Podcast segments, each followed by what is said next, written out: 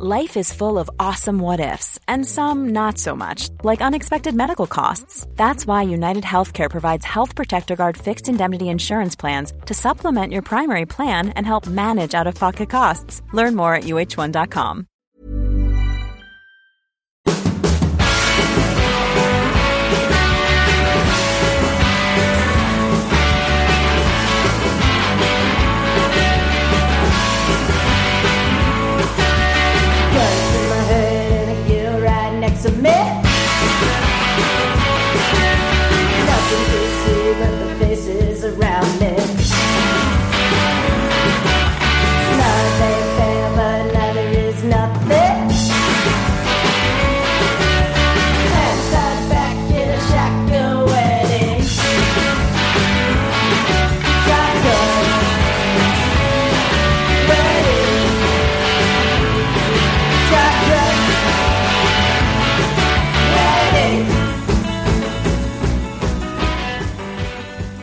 Hej kära lyssnare, det här är Sveriges ledande Indycar podcast som med raska steg närmar sig avsnitt 100. Vi är inte riktigt där ännu, vi är på avsnitt 96. Jag heter Ronald Larsson Miles och med mig min kompis Jakob Fredriksson. Kul att vara med, med dig igen Ronny. Nu är det ju racevecka igen, nu närmar vi oss Portland och med det också ett steg närmare slutet på säsongen. Jag vet inte riktigt om man ska känna sig glad eller eh, ledsen eller upprymd för det, vi har ju svenskt med i toppen och chans om mästerskapet. Men samtidigt så jag vet inte om man kommer palla, palla med liksom ett halvår utan Indycar efter detta. Jag har inte hunnit tänka riktigt eh, så långt, men de här tre loppen kommer ju, det kommer ju hända så otroligt mycket då, så att jag är mest taggad på att eh, avrunda det hela. För det ju, har ju varit en så spännande säsong och eh, ser mycket fram emot just den här västkustslingan de kom in på nu.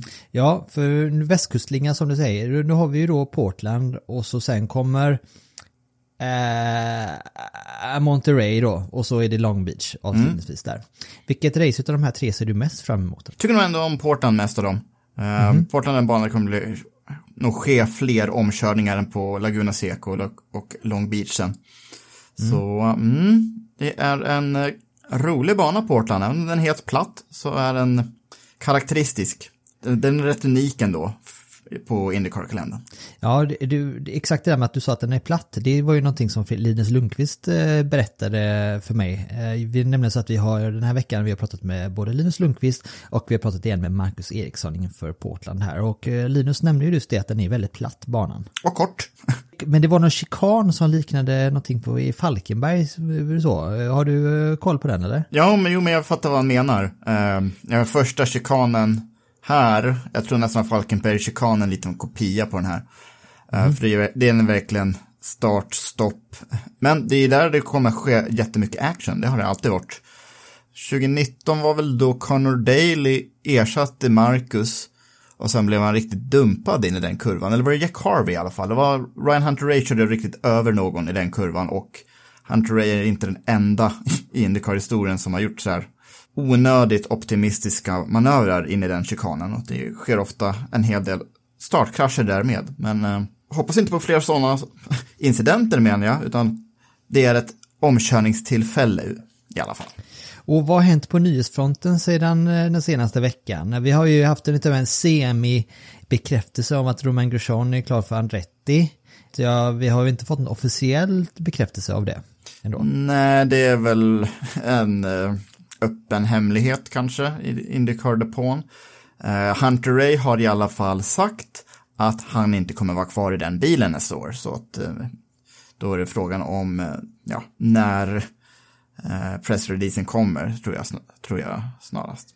Det är ungefär en lika dåligt dold hemlighet som till exempel att George Russell kommer köra för Mercedes eller att eh, Valtteri Bottas kommer gå till Alfa Romeo, vilket blir ju klart nu eh, för bara någon, ett par timmar sedan, nu i måndag när vi spelar in det här. Eh, Så att jag kommer Låtsas inte vara bli- förvånad liksom. Ja, ja, ja. ja, så jag kommer inte bli särskilt förvånad som säger om Romain Grosjean när han blir, när han blir bekräftad helt enkelt. Men några som har blivit bekräftade eh, definitivt i alla fall här då, det är ju eh, den här senaste veckan, det är ju Oliver Askew kommer köra de tre avslutande racen för Rahal. Eh, och med start i den i Portland då. Eh, och så har vi Callum Ilott som kommer göra debut för eh, Racing. Och så har vi ju en tredje också, Charlie Kimball får vi se tillbaka i bilen också. För AJ Foyt i Long Beach på, under säsongsavslutningen. Vad har, är din tagning på de här tre nyheterna?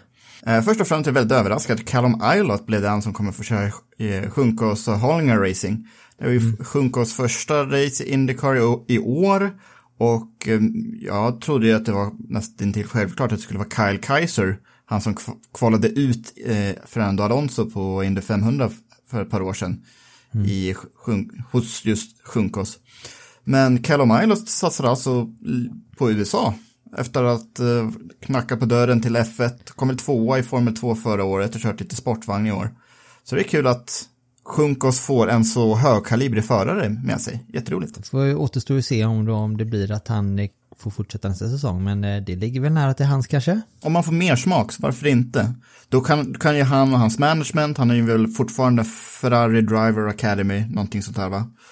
Eh, då kanske de gör som Alpin gjorde med eh, Christian Lundgård, att pusha lite för att ta en USA-sväng. För om Ilot inte skulle hamna i Formel 1 i någon Ferrari-motoriserad bil så tror jag säkert de vill fortfarande ha honom inom stallet innan Ferrari satsar heltid på Le Mans och World Endurance Championship 2023. Mm.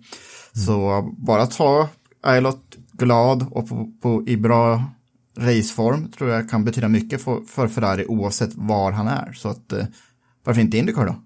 Och tar vi Charlie Kimball då som som sagt är tillbaka då för AJ Foyts räkning på, på Long Beach så eh, kan man ju nästan unna honom med tanke på att han så snöpligt missade kutten till Indy 500 i år. Kimball är en väldigt sympatisk kille men han är inte den snabbaste så det är, alla liksom unnar honom bara att komma till start ett Indycar-lopp igen.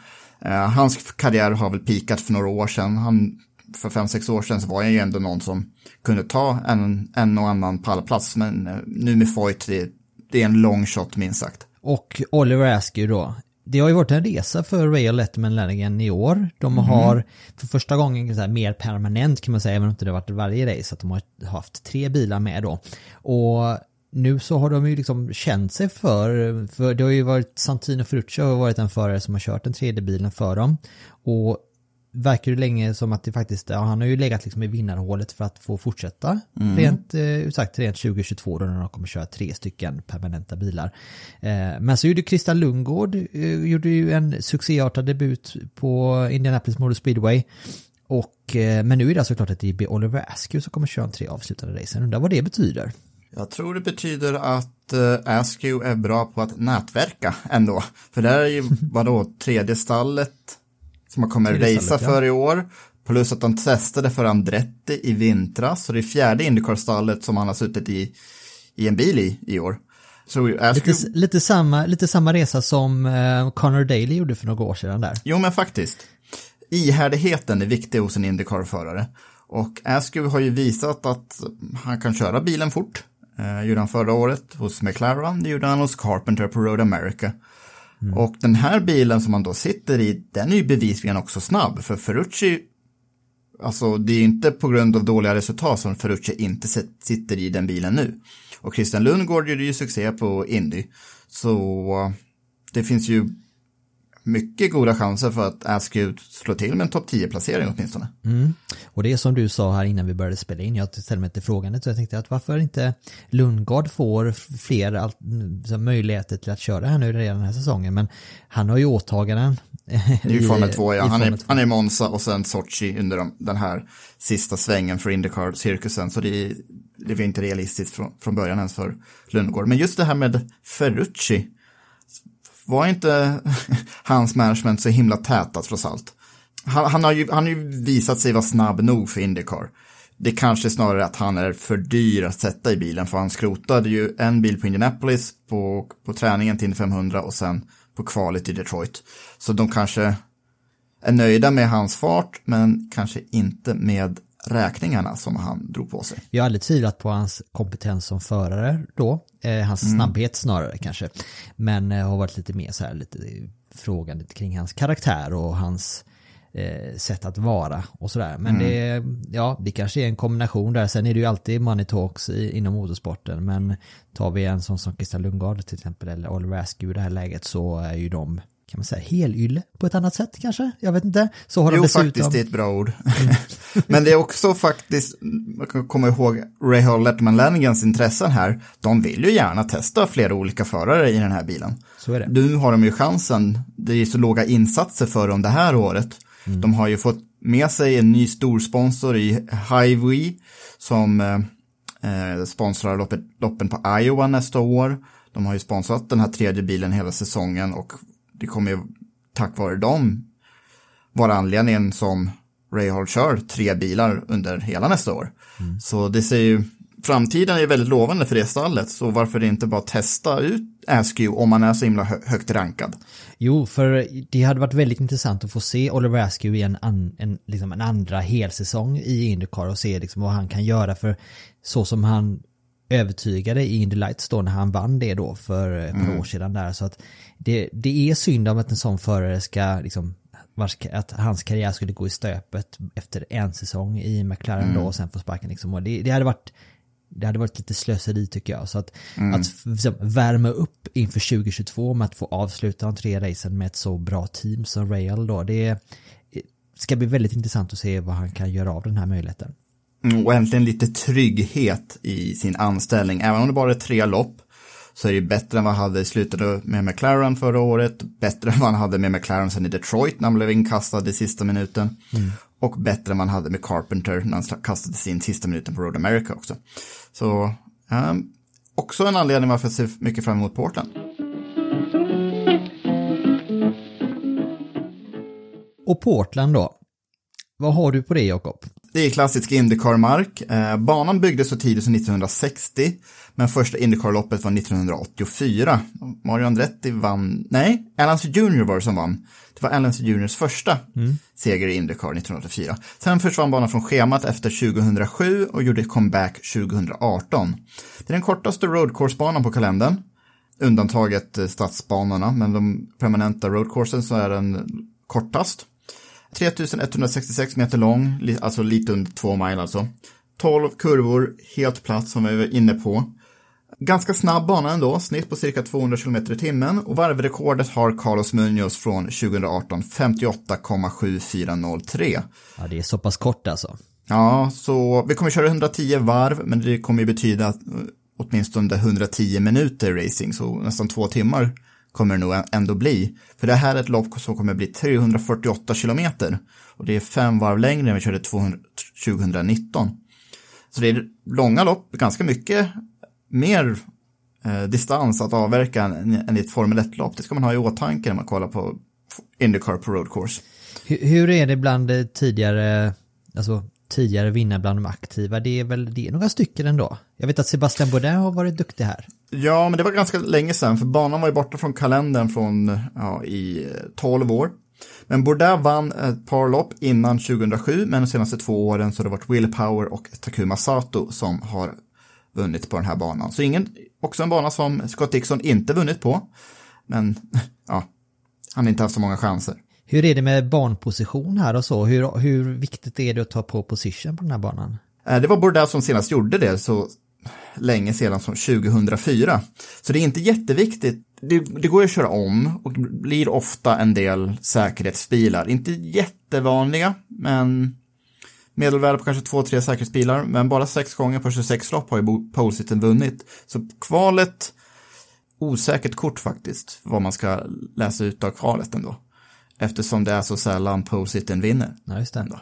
Eh, sämsta, det, men om, det är väl till och med så att det är ganska extremt här. Alltså, det är något race som har vunnits från ganska långt bort på startlinjen, alltså typ runt 18-20 plats va? Ja, om ni, om ni kommer ihåg loppet 2018, nu fanns inte, inte Indypodden då, då var inte några svenskar i Indycar där än, men då hade ju Takuma Sato jättetur med säkerhetsbilstimingen och eh, vann ifrån 20 startplats, vilket var rätt otroligt.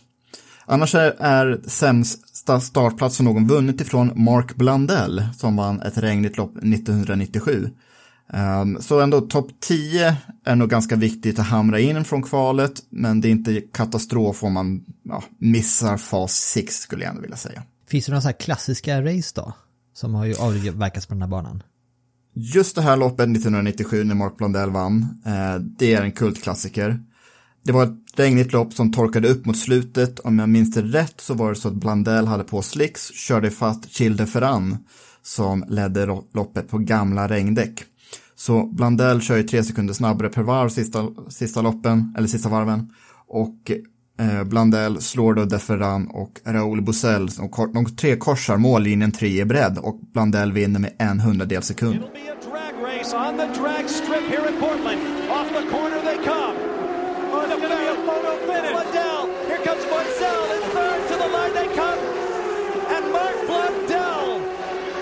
takes the victory in his 22nd career start. Och sen 1986 så vann Mario Andretti efter att sonen Michael fick sop, soppatorsk på liksom ut ur sista kurvan på sista varvet. Och eh, Mario vann en foto, fotofinish den gången också med typ en hundradel sekund. Så det betyder att de två jämnaste målgångarna någonsin på road courses i Indycar har bägge skett i Portland. Ska nämna det här med säkerhetsbilarna då. Eh, som sagt, sex gånger har loppet avverkats utan någon säkerhetsbil. De senaste två gångerna som vi var här, 2018 2019, de loppen hade fyra respektive tre säkerhetsbilar. Och det, då medelvärdet blir typ två, tre stycken räknar jag med, i alla fall. Det mesta det någonsin varit var nio stycken i ett annat regnigt lopp 2001 som eh, Max Papis vann. Och eh, det här var närmst, närmsta också för någon att vinna start till mål. Ingen har vunnit det här loppet och lett varenda varv, men Max Papis var närmast den gången 2001. Det var bara två ledarbyten den dagen. Annars flest ledarbyten på den här banan var 1988 och 2018 med nio stycken då. Det finns ju ingen risk, ingen större risk för regn i alla fall den här helgen. Verkar inte så nej. 24 grader säger weather.com i Portland, Oregon så här fem dagar innan de är på plats och i princip ingen risk för regn eh, den här september. Annars brukar det här loppet gå i juni, men det är ändå väldigt få gånger som det är regnat på Portland. Mm. Flest segrar på den här banan har Alan C. Jr och Michael Andretti. De har tre stycken var. Så det betyder att Bourdais kan ta ner dem. Eh, men Andrettis seger från 1991 är fortfarande det snabbaste eh, loppet på den här banan och snittar han på 185 km i timmen. Det kan man jämföra med 167,7 när Will Power vann här eh, för två år sedan vi var här senast. Så Indycar-bilar har varit väldigt snabba väldigt länge.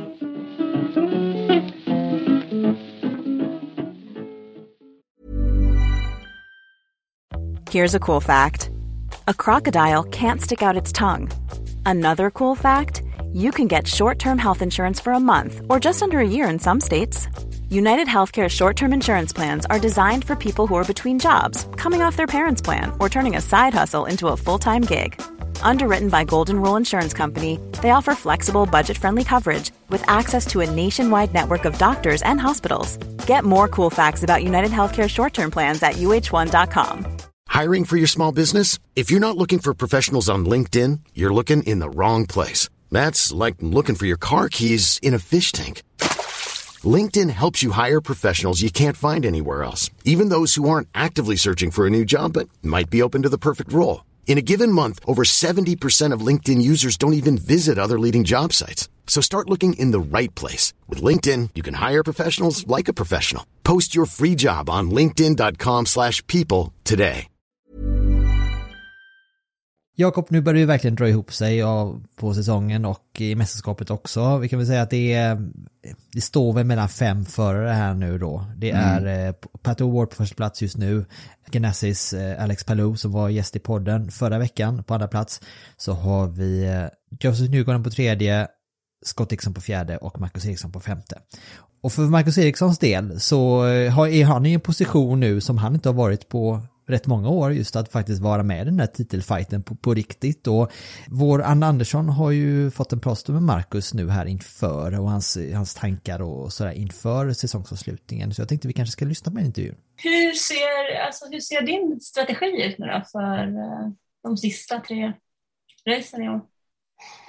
Ja, men jag, nu har vi haft någon vecka här man kan liksom eh, resetta lite inför de här sista tre racen och eh, jag har väl kommit fram till, till att liksom jag går in med inställningen att jag har allt att vinna nu för avslutningen. Eh, jag känner inte att jag har någon press på mig att liksom uppnå något visst resultat. Eh, det är superkul att jag är med liksom i, i topp fem och har en, liksom en, en hugg faktiskt på mästerskapsledningen. Eh, men samtidigt så är det ju eh, helt klart är man liksom lite, lite underdog. Så nej, jag går in som sagt, ska fortsätta jobba på som jag gjort nu.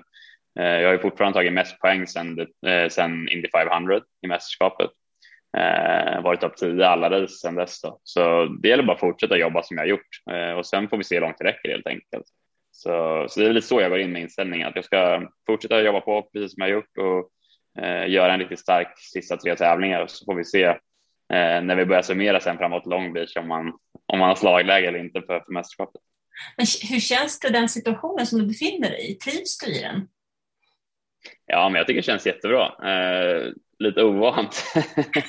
jag brukar inte vara med och snacka om eh, mästerskapssegrar den här tiden på året om man säger så. Eh, men eh, det känns jättekul. Mm. Om du tittar på den här helgen som kommer då, i Portland, hur går tankarna där kring det loppet? Jag tycker det känns bra. Eh, det är ju en, den banan jag missade 2019 då när jag var i Belgien.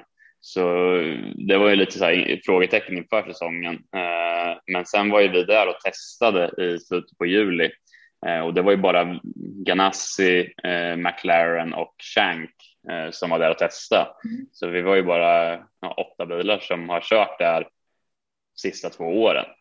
Så det gör att det känns som att vi borde kunna ha en, en rätt så bra möjlighet i helgen Eh, I och med att det bara är en träning och sen direkt in i kval. Vi tränar på lördag morgon och sen är det kval lördag lunch. Och sen har vi en till träning på lördag eftermiddag, men det är ju efter kvalet. Så, så det känns som att eh, ja, vi hade ett bra tester, var bra med och eh, som sagt, ingen annan har kört det på två år, ingen annan har kört med aeroscreenen på den banan. Så vi som var där och testade borde rimligtvis ha en liten fördel. Mm. Vad betyder det här att det bara är en träning innan kvalet? Det betyder att du måste rulla ut med en bra grundsetup för du har liksom inte tid eller, eller möjlighet att hinna eh, göra stora ändringar. Så, så, det är det som blir så himla bra att vi har varit där och testat. Vi vet exakt vad vi ska börja med för setup och den kommer vara väldigt nära där vi vill vara eftersom vi har som sagt haft en hel dags test där. Och det är väl det som är liksom det viktiga när du bara har en träning, att du ska kunna börja med de här små justeringarna direkt och inte behöva göra stora ändringar under passets gång. Mm. Eh, ni ligger ju med flera bilar då igen på den träningen. Hur viktigt är det då, att ni har ett så pass brett team och att det är så många som liksom är med nu och slåss där uppe? men det tror jag är en av våra största styrkor i år, att vi har haft tre bilar som har varit med i, i toppen egentligen hela tiden och, och även eh, liksom ja, kunna jobba ihop, göra olika eh, ändringar på setupen och eh, kunna ha, eh, du får in mer data på ett snabbare sätt och, och speciellt nu när det är kortare racehelger, du har bara oftast en eller två träningar innan kvalet. Eh, då gäller det att kunna maximera de där träningarna och har du tre bilar som är med i toppen så är det klart att då, då hjälper det till. Mm. Men nu då när det är så pass lite kvar och ni är liksom så pass många som slåss om det där uppe, kan ni fortsätta att jobba ihop eller börjar det eh, att gnaga lite? Nej, men jag, jag, tror så här att liksom vi vill ju vi vill ju vara så bra som möjligt som, alltså vi vill vara så högt upp som möjligt, eh, alla vi förare såklart och, och receptet till att vara där, det är ju att jobba ihop och sen är det klart på racen så kommer vi vilja slå varandra, så, så är det absolut. Men jag tror att vi, vi måste fortsätta, fortsätta att jobba som vi har gjort hela året för att se till att vi slår de andra. För det är ju faktiskt inte bara jag, Scott och Palou som slåss om mästerskapet, utan det är ju två till som, som är, eh, är med i matchen. Så det gäller att, som sagt, jag tror att vi måste fortsätta jobba som vi har gjort. Mm. Eh, och det tror jag vi kommer göra också. Jag menar, Alex och Scott är ju såklart supertävlingsmänniskor, men de är också eh, jäkligt liksom ödmjuka och, och eh, på det sättet. Så jag tror att vi kommer fortsätta jobba på ett bra sätt.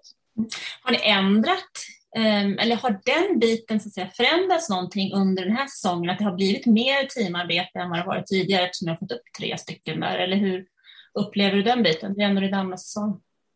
Nej, men jag tycker redan i fjol tycker jag vi hade en riktigt bra feeling där med, med Scott, Felix och jag. Vi hade jättebra eh, samarbete och liksom jobbade bra ihop. Men men jag och Felix hade väl lite mer problem att få till resultaten då. Så det blir lite lättare nu när vi har tre bilar som är där framme hela tiden. Så, så det har väl hjälpt till. Men, eh, men som sagt, jag tyckte när Felix var med så var det minst lika god stämning som det är nu eh, och liksom samarbete. Finns det någon risk att det blir någon form av teamorder den sista tre racen när det handlar om titeln på ett annat sätt? Nej, jag tror inte det. Det är klart om det är sista racet och en av oss kan vinna mästerskapet och liksom den andra ligger Alltså om, om, om, om den andra är ute om man säger så, det är klart, då måste man väl eh, hjälpa till eh, självklart. För vi vill ju att en ska vinna mästerskapet. Eh, men som det är nu, det säger alltid Chip liksom in, inför varje race att jag har en regel och det är att det, det finns inga teamorder, men du får inte köra ihop med din teamkamrat. Typ, typ så eh, liksom säger han och så står han även i bordet. Så jag tror att han vill att vi ska racea om det med på ett schysst sätt.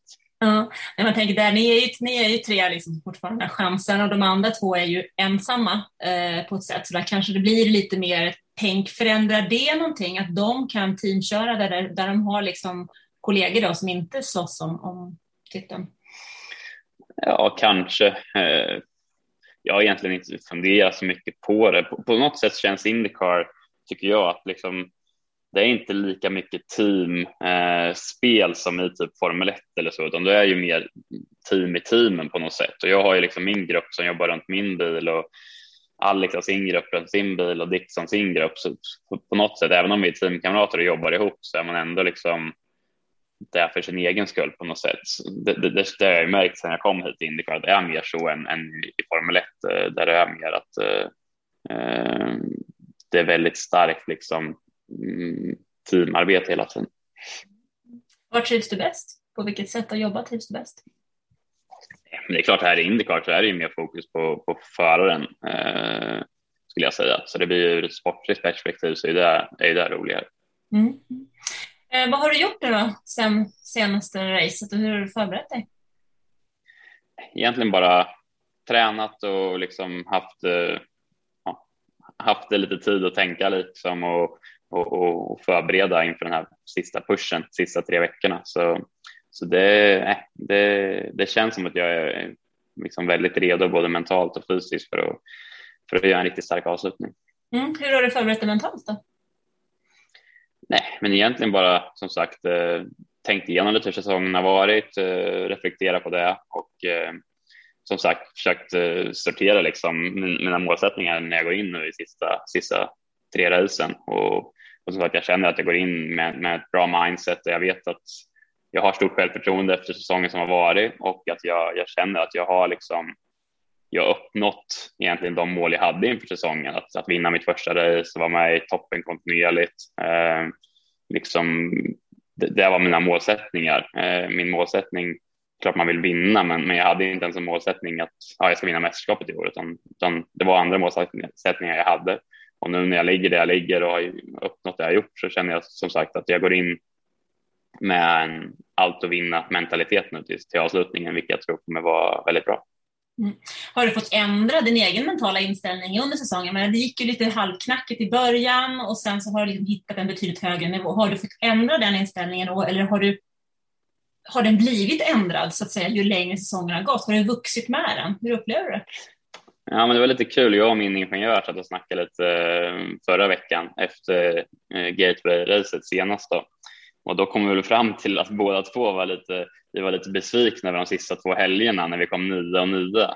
Och det var ju lite kul för att liksom i fjol och i början på i år så tror jag att vi liksom topp 10 var så här, ja men bra resultat topp 10, det var en, en bra tävling och så vidare. Men nu när vi kommer nia så är vi besvikna över det och det tycker jag visar liksom att vi har verkligen höjt vår nivå och nu är det pallplatser och segrar som liksom är vår målsättning varje helg. Och, och det tycker jag säger rätt så mycket när det naturligt blir så att vi, vi kommer nya och besvikna. Då, då, då, har man höjt sig till, till en ny nivå.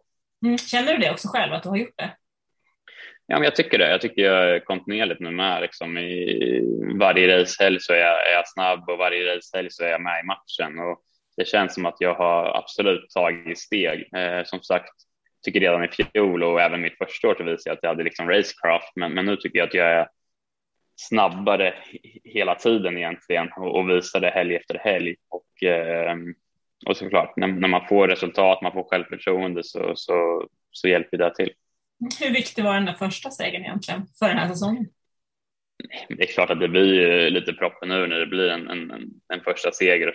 Jag tror speciellt för mig som har, eh, har gått så länge sedan jag vann eh, senast och eh, det har varit mycket liksom mm, man ska inte skylla på, på otur, men det har inte varit mycket tur eh, som jag har känt att jag haft. Liksom. Det har varit mycket jobba i motvind, men jag har alltid krigat på och knutit näven och trott på mig själv och, och, då när man väl får liksom en sån här framgång så blir det ju verkligen en, en extrem boost och jag tror att det absolut har gjort mycket för, för min säsong. För jag fick den där första segern och kände att ja, jag kan vinna på den här nivån och sen har jag ju bara som sagt, sen dess har jag tagit mest poäng i hela mästerskapet och det säger en hel del. Mm, du är inte nöjd nu då? Absolut inte nöjd. När man vinner en gång och vinner två gånger, då vill man ju bara vinna ännu mer. Så det är det som är problemet. Att, att den där jäkla känslan vill man ju bara åt igen. Det blir ett beroende. Så som sagt, det är därför man känner att jäkla skit när man kommer nya och tycker att det är piss nästan. Så, så det, det är väl det som är lite problemet med, med sport kanske. Det är väl det som är tjusningen också, inte? Ja, men jo, men det är klart det är så och det är det som är det häftiga. Att liksom man, eh, man vill ju hela tiden åt det där och sen är man ju som sagt, det är det som är grejen med sport, att även om jag är nöjd över att jag har tagit de där två segrarna så man är ju aldrig bättre än sitt senaste race. Nu tycker jag jag har haft två okej okay tävlingar, men ja, jag är inte supernöjd med mina sista två race liksom. Så nu, nej, nu gäller det att studsa tillbaka och göra en, en bra tävling i Portland. Mm, vi snackar igenom typ fyra veckor. Hur har du avslutat säsongen? Nej, men som sagt, jag har ju en chans att vinna mästerskapet. Så det är klart att det är det som är eh, liksom drömmen att, eh, att ta det. Men eh, som sagt, jag går in med, med allt att vinna mentalitet och vi, vi, får se vad som händer. Eh, men som sagt, det känns som att de framför mig har mer press på sina axlar och liksom om man kollar på Paloa leder mästerskapet egentligen hela året och Ward leder mästerskapet nu när vi går in i avslutningen. Newgarden och Dixon är ju sådana här liksom Championship driver som alltid går för mästerskapet. Eh, så det känns som att alla har något att förlora på något sätt. Men, men jag har ingenting att förlora, utan jag går bara in med, med allt att vinna. Så det, det kommer jag att dra, dra nytta av.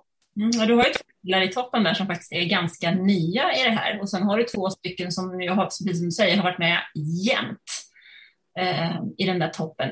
Är det det som är det stora utslaget här? Är det erfarenheten som kommer att avgöra eller vad tror du? Du har ju en helt annan erfarenhet. Ja, nej, men det ska bli intressant att se hur, hur, hur Pat och, och Palou hanterar den här avslutningen. För de, som du säger, de är båda rätt så unga och eh, har inte så mycket erfarenhet som, som framförallt Scott och Joseph, men även jag har, som ändå har varit med eh, ett tag. Man är inte, man är inte 20 längre tyvärr. men eh, men nej, det, det, kan bli avgörande. Man vet aldrig hur folk reagerar när man slåss om ett mästerskap på slutet av en säsong. Det blir en helt annan press då, så, så det ska bli vi såg ju redan förra helgen att allt kan hända och det kan vända väldigt snabbt. Eh, det, du behöver inte ens göra ett misstag på egen hand utan det kan bli utslagen av någon annan, som att man kör in i det och så helt plötsligt så nollar du en helg och då, eh, då, då händer det mycket i mästerskapet i och med att man får så mycket poäng för en seger och så vidare. Så, så det, det blir verkligen en intressant avslutning. Jag tror fortfarande det kan hinna svinga åt alla möjliga håll och kanter den här eh, toppfighten innan det slut. Vad är det, du har 50 poäng upp nu va? Och sen maxad helg är väl typ 54, så det är inte så mycket. Nej, men det är det jag menar, att, att jag, går jag och vinner i Portland och, och de andra eh, inte är på pallen, då helt plötsligt kan jag vara jättenära ledningen. Så, så jag menar, det är det som är grejen, det, det, det, kan svänga så himla snabbt. Så det gäller bara att fortsätta liksom fokusera på och göra bra helger och så får man se vad som händer. Du får väl hoppas att både Marcus och Felix får en riktigt bra avslutning här på säsongen då. För Marcus det är ur eh, eh, kontraktssynpunkt kan man väl säga, eh, för att få klart en, ett kontrakt inför nästa år. Och så ur Felix perspektiv då, för att han ska liksom få en bra känsla här nu inför 2022 kan väl nämna det att Felix kom ju faktiskt tvåa här senast 2019 och det här blir första gången Marcus är i Portland. Så Felix har nog goda chanser han med. Men det är ju inte bara Indycar i helgen här nu som kör på Portland utan det är ju även Indy Lights. Mm. Och eh, vad, vad, ja, mästerskapet där är ju, det är ju kokats ner till tre personer nu då som gör upp mästerskapet där. Det är vår Linus Lundqvist såklart. Och så är det ju på andra plats Kyle Kirkwood och på första plats eh, Linus teamkamrat David Melukas. Och där är det ju rätt tight så, men eh, hur, vilka var det som vann på, på, i Portland senast Lights var här? Ja, det är en bekanting för oss. Rinus VK vann här. Och sen så var det Toby Sovery som ju kört Lights hittills i år, men som nu har kastat in handduken från årets Lights-säsong. Eh, han menar att resultaten varit för dåliga, så han fokuserade istället på att ta steget upp till Indycar istället för att avsluta Lights-säsongen. Jag hänger inte riktigt med på logiken där. Om det går för dåligt i lights, varför, hur ska man då kunna hamna i Indycar? Nåja. Det är väl en eh, strategiskt uttalande kan man väl säga för att falla med flaggan i topp kan man väl säga. Ja, och ekonomiskt också. Och ekonomiskt. Men jag hörde en intervju med eh, Ricardo eh, Hunkos då som eh, har satt sitt namn på det här klassiska Hunkos Racing och han, han var väl inte överdrivet nöjd med hans utspel i sociala medier. Nej, kanske inte. Eh, något annat som har hänt live är att Alex Peroni som kört Formel 3 tidigare, han har också kastat in handduken från Carling Racing. Så det är en del omkastningar på lightsgriden inför den här säsongen, eller inför den här helgen.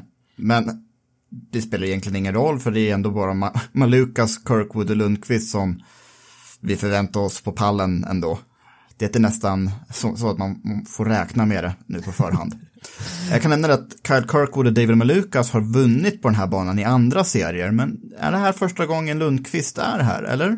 Det är det och eh, vi kan väl höra vad Linus själv hade att säga om detta för jag hade lite samtalsstund med honom här för en, en liten stund sedan eh, och då sa han så här. Linus Lundqvist, vad har du hittat på sen Gateway då? Ja, men sen Gateway har vi ju faktiskt haft lite, lite uppehåll och eh, jag tog mig faktiskt till New York Ehm, och eh, det är väl egentligen det som har varit den, den mest spännande delen. Så jag spenderade två, tre dagar där faktiskt med min flickvän och så Felix Rosenqvist och, och hans tjej. Då. Så um, det var lite trevligt. Men sen så är det som sagt mycket tid som spenderat på workshopen och prata med teamet. Och nu, är- nu är det ju sista slutspurten här och försöka avsluta med flaggan i topp. Mm. Apropå Gateway, hur är dina känslor kring ovalracing nu när du, har- när du har fått liksom låta dig sjunka in lite? Alltså, det är ju lite blandade känslor jag tror som jag lämnade Gateway med. Ehm, för min första initiala känsla var ju att det här var nog bland, bland det coolaste och roligaste jag har gjort. Ehm, att köra just på barn var ju någonting väldigt, väldigt speciellt och man visste inte riktigt innan hur man skulle reagera på det. Jag tror att det är en liten sån här, antingen så gillar du det eller så hatar du det. Ehm, men för min del så um, älskade jag det liksom sen första varvet. Ehm, sen eh, under helgen så eh, tyckte jag att vi visade, för jag hade ju bra fart liksom redan för, för att vara debut på val. Ehm, och sen kvalet ja, träffade vi inte riktigt helt rätt, ehm, men eh, gjorde ändå ett ganska starkt första race tyckte jag, tills ja, höger framdäck då exploderade. Vilket var en mindre trevlig upplevelse om man ska vara helt ärlig. Och sen då till, till andra racet så fick vi använda reservbilen så den kanske inte var riktigt hundraprocentigt, men uh, som sagt, nu, uh, nu när man tittar tillbaka så är jag ändå ganska nöjd med, med det jag har gjort. Uh, sen, ja, resultatet i sig vill man, vill man ju ha bättre. Men det satte inte sina spår då efter den smällen, för det var ju en rejäl smäll och det är ju det är klart, men det, du kände att du kom över det ganska snabbt då? Ja, och jag tror att det hjälpte när, jag tror de flesta förare kan relatera liksom, när, när det inte är ens eget fel. Utan det, det var inte så mycket som jag kunde ha gjort. Ehm, utan det, ja, när man får punktering eller däcket ger upp så då är man väldigt mycket passagerare. Så eh, det var ändå den känslan som jag tog in dagen efter att gör jag bara samma sak som jag gjorde igår, ja men då, då vet jag ändå att vi ska vara snabba. Så um, som sagt, försökte inte övertänka för mycket eller känna av vibrationer eller vad det nu skulle vara, utan jag, jag tog mig igenom det. Ja, och det faktum att du presterade så bra som du gjorde sen på andra racet med reservbilen, bara, bara det var ju egentligen en, en stor bedrift. Med tanke på att det var just var Lastorskins bil var det va? Ja, exakt, exakt. Kändes det någon, Äh. kände du att det var en annan bil eller hur, hur stor skillnaden egentligen? Men alltså det, bilarna, vi satte ju liksom bilarna i, i exakt samma inställningar och så vidare som min bil. Eh, men det är klart, det är alltid lite små skillnader i bilar och det är typ en sån enkel grej som att liksom sittpositionen är lite annorlunda i en annan bil för chassit är inte helt identiskt och, och sådana grejer. Men på det stora hela så kändes det ju väldigt lika. Men samtidigt så är ju den bilen, eftersom ingen egentligen skulle ha kört den, så kanske den inte var lika välpreppad som de andra bilarna. Och just på valet, där vet man ju liksom att en halv tiondel gör väldigt, väldigt stor skillnad. Så uh, som sagt, eh, det är kanske lite sådana delar som, som man väl märker ute på banan. Men uh, som sagt, vi gjorde det bästa av det och det viktiga var, var att jag kom ut på banan igen och kunde köra race på. Men nu i alla fall, nu är det ju tre racehelger kvar av säsongen.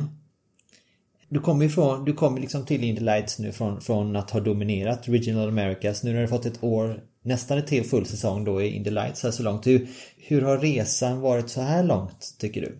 Um, blandad skulle jag säga. Um, som sagt, det, målet var att gå in och slåss om ett mästerskap. Och um, vi har ju legat där. Vi har ju tagit vinster och oppositions och, och pallplatser och så vidare. Ja, det är väl nu som sagt den sista, sista halvan av den säsongen vi har gjort som, som det känns som att vi har tappat lite fart. Ehm, och eh, det är väl det som jag hoppas att vi kan studsa tillbaka nu i, i Portland och Laguna och även med Ohio, att kunna få avsluta med, med flaggan i topp så att säga. Men det har ju varit ett, ett fantastiskt och väldigt speciellt år. Eh, det är som sagt det, det var ändå ett stort steg från, från allting som jag gjort tidigare. Mycket nya banor och nya bilar och ny, ny typ av racing. Um, så jag tror liksom allt som allt så är jag ändå ganska nöjd över vår prestation. Nu, nu gäller det bara att försöka det görs ytterligare ett steg och, och som sagt avsluta på, på rätt och bästa sätt. Sen har det ju samtidigt varit, det har ju varit konstant jobb på, på den andra sidan av, av racingen också. Um, just med liksom sponsorer och partners och försöka få den här möjligheten att sitta där vi är idag. Och där måste jag bara säga att alltså uttrycka ett stort, stort tack till, till alla de människor och, och partners som, som tror på mig och vill, vill göra det här, eh, vara med på resan med mig. För det, utan dem så hade jag inte gjort det. Så um, det ska de verkligen veta att jag, jag uppskattar det otroligt mycket. Mm. Men för när du har som sagt när du kom in nu till, till Indy Lights då så hade du ditt scholarship då från eh, Formula Regional då. Eh, mm det är ju som du säger ett, ett ständigt pågående arbete med att eh, jaga finansieringen för nästa säsong. Nu sitter du, nu är det kan man säga, jag skulle vilja säga att du har ju säkrat en plats i topp tre i år i alla fall. Eller det ska mycket till för om du skulle trilla ut det tror jag sett till hur ni har dominerat. Du, David Malukas, din teamkamrat och eh, Cal Kirkwood då. Ehm, så att där kan man säga att du har ju säkrat minst ett sånt där Indycar-test till nästa säsong. Ehm, hur ser du på, för det första, hur ser du på dina möjligheter, realistiska möjligheter att vinna mästerskapet?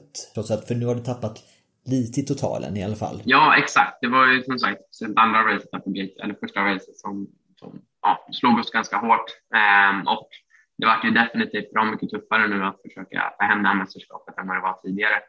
Men ehm, jag menar, ja, jag säger det, det bästa sättet att vinna mästerskap är att vinna race. Så eh, som sagt, det, det, är väldigt, väldigt svårt, men jag har inte gett upp det. Taget är ju fortfarande nu att vinna så många race som vi bara kan. Och sen vet man inte, med, med lite tur och stolpa in så kan det nog gå, gå vägen. Vi, jag tror jag har sett det lite under, under årets gång också att det, som sagt, det gäller bara att ha en dålig helg så kan man tappa en väldig massa poäng. Så eh, som sagt, förhoppningsvis har jag gjort min dåliga här nu och eh, förhoppningsvis kan de andra ha lite fler. Men jag tycker också man har hört mycket hur snackats kring att du idel positivt om dig liksom och att du har en framtid inom Indycar och inom, alltså den, inom amerikansk racing och så. Men kan du berätta någonting redan nu om vilka alternativ du ni har inför 2022? Ja, jag önskar att jag kunde sitta och säga att jag har åtta kontrakt här framför mig och jag kan välja och vraka. Det är både Penske och Ganassi och alla möjliga. Mm. Nej men eh, det är ju, alltså jag ska inte eh, vara den som är den, men vi har ju kontakt med ett par Indycar-team och pratar inför framtiden. Och det har ju varit det, det, roliga och positiva när man har varit här borta. Typ kontrasten mot Europa till exempel. För där var det ju enbart så att även om du var duktig och vann och så vidare, när du kom och knackade på teams dörrar så var det fortfarande inte det varmt välkomnande kanske som man förväntade sig. Men alltså, här är det lite tvärtom. Där har ju faktiskt Indycar-team kommit att ta kontakt med själv, vilket har varit lite spännande. Men samtidigt så är det så här, de vill ju ha en vinnare och det bästa sättet att vinna över dem på din sida, det är ju att vinna race och vinna mästerskap. Så um, alla, jag tror när man har pratat runt lite med förare också så har det väl varit lite, lite samma där också, att vi får se hur säsongen går eftersom det just har varit ganska tajt med, med i toppen där. Så um, vi får väl se lite vad som händer, men uh, förhoppningsvis kan vi trolla fram någonting bra. Ja, för vi har ju samtidigt då den som leder mästerskapet nu, det är ju din teamkamrat eh, David Malukas då. Jag, jag har varit lite nyfiken där på hur tajt är det mellan HMD och Global? För du, det, det är ju kan man säga två team i ett. och så så hur, hur har det samarbetet sett ut och fungerat under året? Och har det förändrats på något sätt mot slutet nu när det ändå är en fight om mästerskapet? Nej, men alltså det, det har ju fungerat väldigt mycket som ett team. Som sagt, det, det är ju på, um, på papper så att säga två team. Men det fungerar väldigt mycket som ett team. Så vi sitter ju liksom i samma ingenjörsrum och vi, vi jobbar ju med varandra och vi ja, delar data och video och hela den delen. Um, så det, det, är ju väldigt mycket en känsla av ett team. Och det har väl inte förändrats så mycket skulle jag säga under året, utan de har ju varit ganska tydliga hela tiden med att det, det har varit viktigt för dem att även vinna teammästerskapet um, som, som jag har i Indy Light. Så det är de två bästa bilarna som, som de plockar poäng från. Då. Mm. så det har ju de verkligen försökt pusha och försöka vinna också. För det har ju varit en liten milstolpe för dem att kunna slå ner powerhouse Andretti. Liksom. Men eh, som sagt, vi, vi får väl se liksom, nu sista delen. Men jag tycker de har pushat på bra. De, de vet ju vad de gör. Och dessutom så har ju Malukas faktiskt ett år redan i Indy Lights också. Så han har ju haft det extra året. Och är det någonting som du känner att ett år till i Lights hade verkligen hade gjort bra för liksom utvecklingen? Eller är du redo att ta nästa steg redan nu tror du? Ja, men jag tror att det, det blir naturligt. Har man ett år till så kommer man göra allting förmodligen lite bättre. Um, och um, det är väl lite det kanske som, som man har sett lite, lite då och då, just liksom att det blir en vanegrej för honom. Um, mer än att jag kanske aktivt behöver tänka på vissa saker. men uh, vi får väl se. Jag, jag tycker ändå som sagt, det var det som visade från första, från första början att vi kunde vara med och slåss om racing på positions när när allting liksom föll på plats. Det gäller bara att försöka hitta tillbaka till den här sweet spoten som vi hittade då. Um, det är det som jag har haft lite problem med nu de senaste racen, att hitta just en, en setup som jag kanske har varit 100% komfortabel med um, och inte David då. Um, så det, det, är väl lite därför vi ska försöka hitta tillbaka till. Men om vi tittar, blickar framåt mot Portland nu då. Vad är det för typ av bana? Um, platt, ganska snabb bana. Eh, och återigen klassisk eh, old school track som vanligtvis är i USA. Eh, inga run-ups, ingenting. En ganska lång startraka. Eh, leder in till den här knixiga chikanen. Eh, påminner nästan lite om typ Falkenberg, eh, första chikan där. Ish. Eh, så äh, men det ska bli kul faktiskt. Jag tror, jag tror att vi kommer kunna vara ganska snabba där också. Förhoppningsvis kan vi ha ett bra paket. Eh, men eh, sig, jag ser fram emot det. Vi har ju rätt mycket eh, bantid. Jag tror vi har fyra och en halv timmes träning innan, så det är ganska skönt. Vi har ju aldrig varit där tidigare. Så får vi se om vi kan hitta runt den banan också. Har du kört någon simulator innan? Nej, för den finns inte på den ja, simulatorn som, som vi har, då, eller som mina kompisar har. Så jag har faktiskt inte gjort det, utan det har blivit mycket Youtube och videokollande och mycket studerande av data och försöka förstå sig på de här graferna nu så ska vi nog kunna läsa. Ja. Avslutningsvis nu då, nu har vi, när, när, nu är det några veckor kvar till eh, säsongen är över. Den 3 mm. oktober kör ni sista racet. Hur tror du du har avslutat säsongen då? Med sex vinster.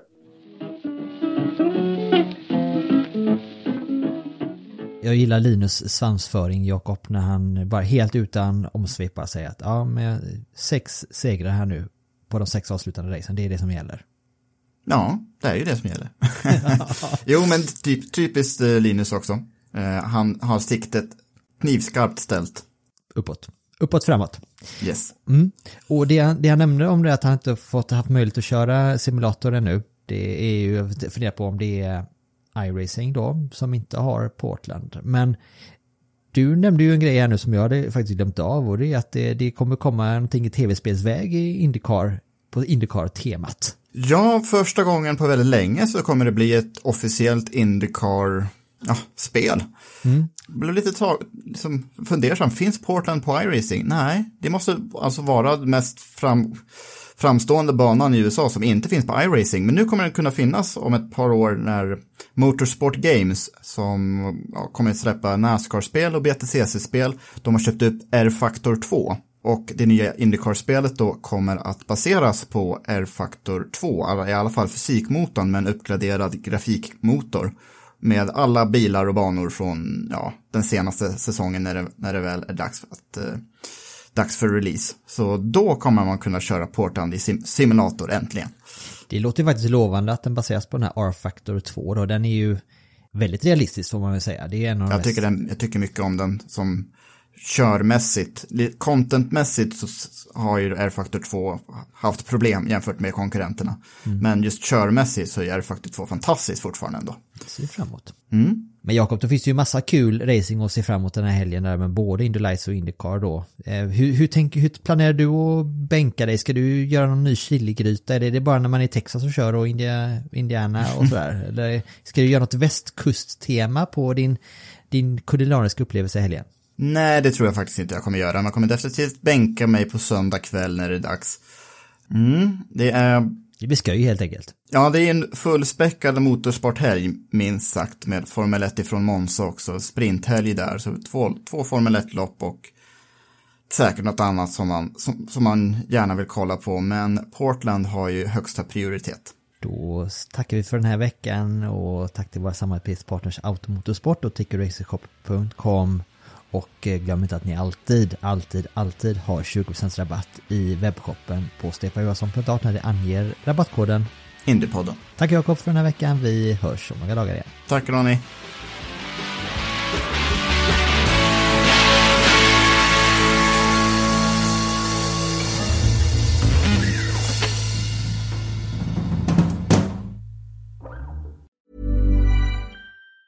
Planning for your next trip? Elevate your travel style with Quince. Quince has all the jet setting essentials you'll want for your next getaway, like European linen, premium luggage options, buttery soft Italian leather bags, and so much more. And it's all priced at 50 to 80% less than similar brands. Plus, Quince only works with factories that use safe and ethical manufacturing practices. Pack your bags with high-quality essentials you'll be wearing for vacations to come with Quince. Go to quince.com slash trip for free shipping and 365-day returns.